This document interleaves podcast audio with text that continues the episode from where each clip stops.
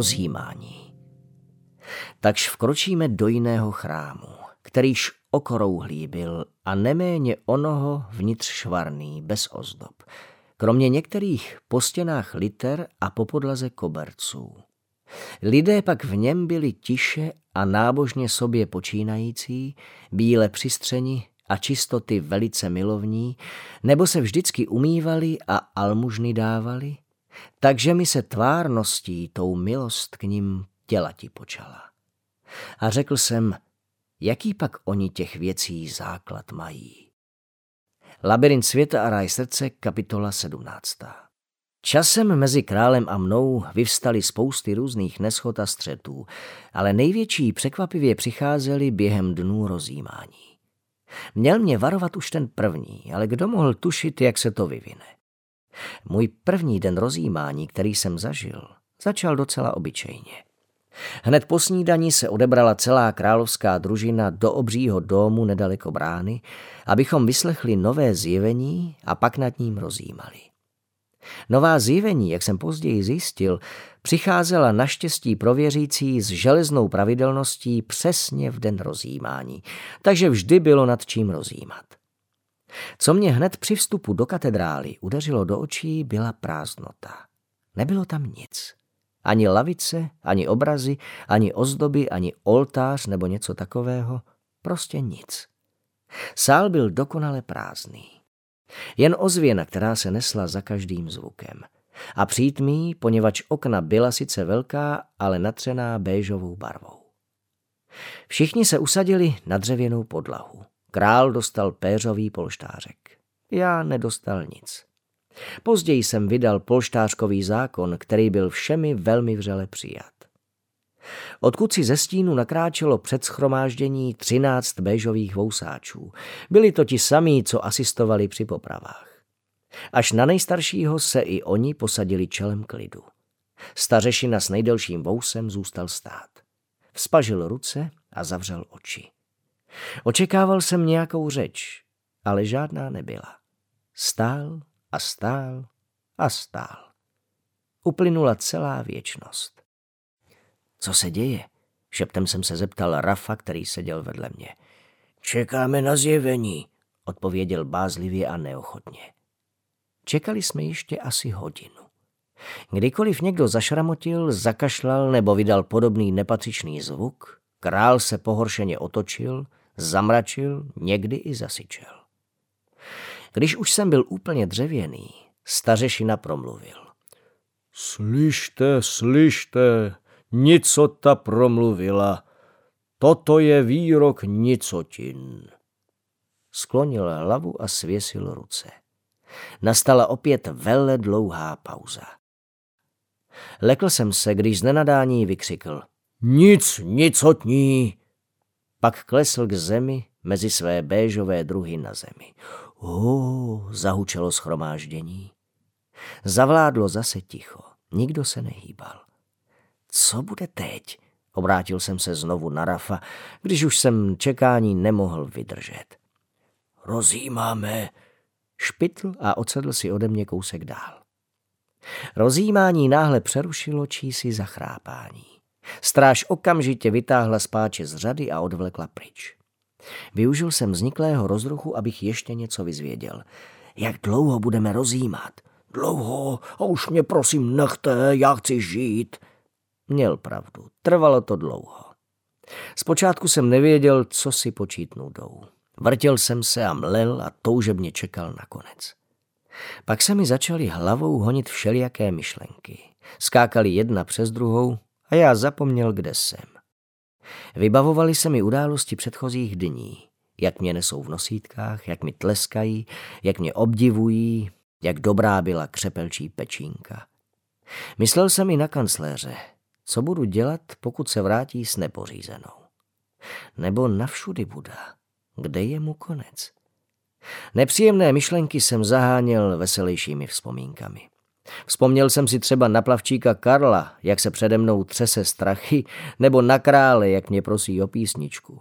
A taky na mísi zmrzli na čokolád a na obdivné pohledy rádců, kdykoliv něco nového vymyslím. Jo, jo, mám se tu vlastně blaze. Můžu si skoro dělat, co chci a nikdo si na mě nedovolí, protože jsem ministr a druhý po králi. To by měl vidět Drábek. Drábek? Nic, nic od ní. Tak jest a na věky bude. Znovu mě vylekal stařešina. Zatřásl soustavou řinčivých zvonců. Zvonec konec, zajásal jsem v duchu. Všichni se začali ospale sbírat ze země, protahovat a rovnat šaty. Během chvilky se u východu utvořila tlačenice. Královská družina se společně s Béžovci odebrala postraním východem ke katedrálnímu obědu. Mě s králem usadili pochopitelně do čela tabule, vedle nás vousáče, až potom rádce a ostatní dvořany. Stařešina mi byl představen jako dvorní prorok, mudrc a představený katedrály nicotných věd. Vlastně nicologických věd, zase jsem to spletl. U předkrmu jsem byl králem vyzván, abych vyjádřil svůj názor na prorocké zjevení.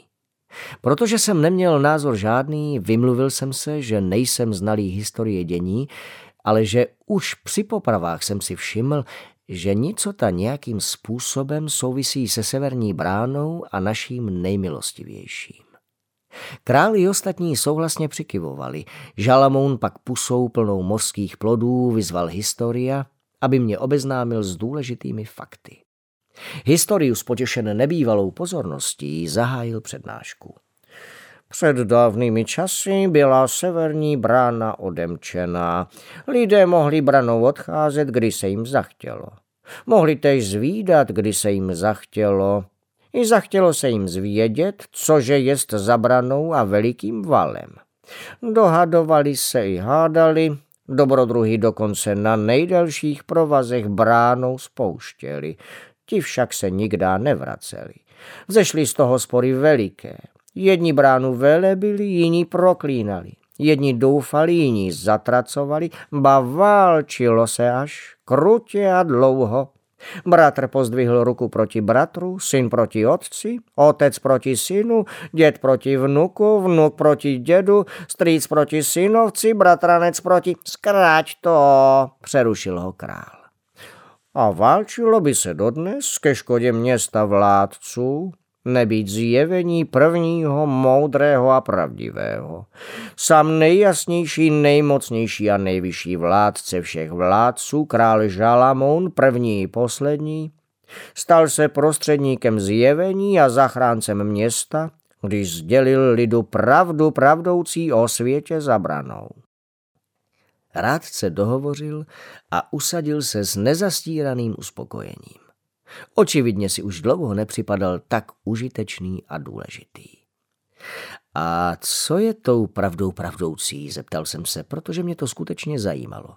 Nic, odpověděl Historius vítězoslavně. Jak nic?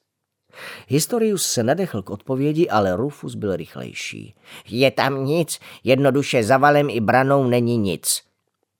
Tak je tam nebo není? Podíval jsem se na Historia. Je, řekl rychle Historius. Není, vykřikl Rufus. Je, král to říkal. Není. Páni ministři, nepřete se přece nepřístojně o případky nepodstatné. Podstatná je pouze podstata problému. Smířlivě zasáhl dvorní prorok do sporu. Král chtěl také něco povědět, ale nedovolovali mu to fazole, které mu trčely z pusy. Zašarmoval proto vidličkou směrem k plagiátovi a naznačil, že má problém vyjasnit. Plagiátus povstal. Královo znamení praví, že za valem je velké nic. A když král praví, že tam je nic, znamená to, že tam nic není. To by pochopil i plavčík Karel. Taková je pravda pravdoucí, pravda jediná. A je to dobrá pravda, poněvadž přinesla celé zemi mír, kterému se těšíme už po dlouhá tisíciletí, pokračoval Plagiatus. Už to budou čtyři, skočil do projevu dychtivě Historius. A když víme, co tam je i co tam není, spražil Historia pohledem Plagiatus, není oč se přijít. Takže vy jste taky prorok? Překvapeně jsem pohledl na krále. Tady se jeden v klidu nenají. Máte tu plagiáta, ptejte se jeho, odpověděl Žalamoun rozmrzele. Náš vznešený byl prvním z proroků. Na základě jeho zjevení byla uzavřena brána, aby se zabránilo své voli a založena prorocká škola a katedrála nicologických věd pod vedením zde přítomného dvorního proroka, třetího z pokolení proroků. Král Žalamoun je první prorok, dvorní prorok je třetí prorok a kdo je druhým prorokem, zajímal jsem se. Toho mi nepřipomínejte, vykřikl Žalamoun, když vynořil hlavu z omáčníku. Druhý prorok byl, ale už není. Špatně prorokoval, objasnil stručně Plagiatus. Posadil se a výmluvným pohledem mi dal najevo, že jeho řeč skončila. Popraven před třiceti lety, špitnul Historius, ale hned se přikrčil, protože Plagiatus se po něm ohlédl. Obrátil jsem se proto na dvorního proroka. A čím vy se vlastně v katedrále nicologických věd zabýváte? To je přece zřejmé, vyplývá to z předmětu našeho bádání. My tu s kolegy zkoumáme nic, pravil s důstojnou rozvážností. Studujete nic? Vykulil jsem oči. A nic víc? Nihil semper major. Celá věčnost nestačí, aby člověk proskoumal hlubiny nicoty. Kolega z katedry systematické nicologie vás jistě rád poučí, že, pane kolego? Kolega systematik dopil pohár. Eh, především zkoumáme původ nicoty, dále její povahu, rozprostraněnost, také formulujeme důkazy, že mimo tento svět není nic než nicota, učíme se nad ní divit, rozebíráme způsoby, jakými o ní lze hovořit, takže studujete nic a mluvíte o ničem? Skočil jsem mu do řeči. Začal jsem chápat, začalo mě to dopalovat – a myslím, že právě toto byl začátek mého pozdějšího velkého problému. Já jsem přece živým důkazem, že tam něco je. Já přece nejsem z tohoto světa, takže za zdí labirintu musí něco být. Přešel jsem do útoku. Víte, jsem jen obyčejný ministr. Školy sice mám, ale jen mateřskou a základní. Ale řekněte mi, jak může nic nicotnět. Znělo tak dnešní proroctví, že? Nic je nic, tedy to, co neexistuje. Jak se s tím, co není, může cokoliv dít. Nicotnět. Co to vlastně znamená? A taky by mě zajímalo, kdo to zjevil. Jestli je tam nic, tak odkud to zjevení přišlo? Mluvil jsem záměrně pohrdavě a na odpověď nečekal. Hlavně mi neříkejte, že se to celé stalo z ničeho nic, nebo že... Zarazil jsem se.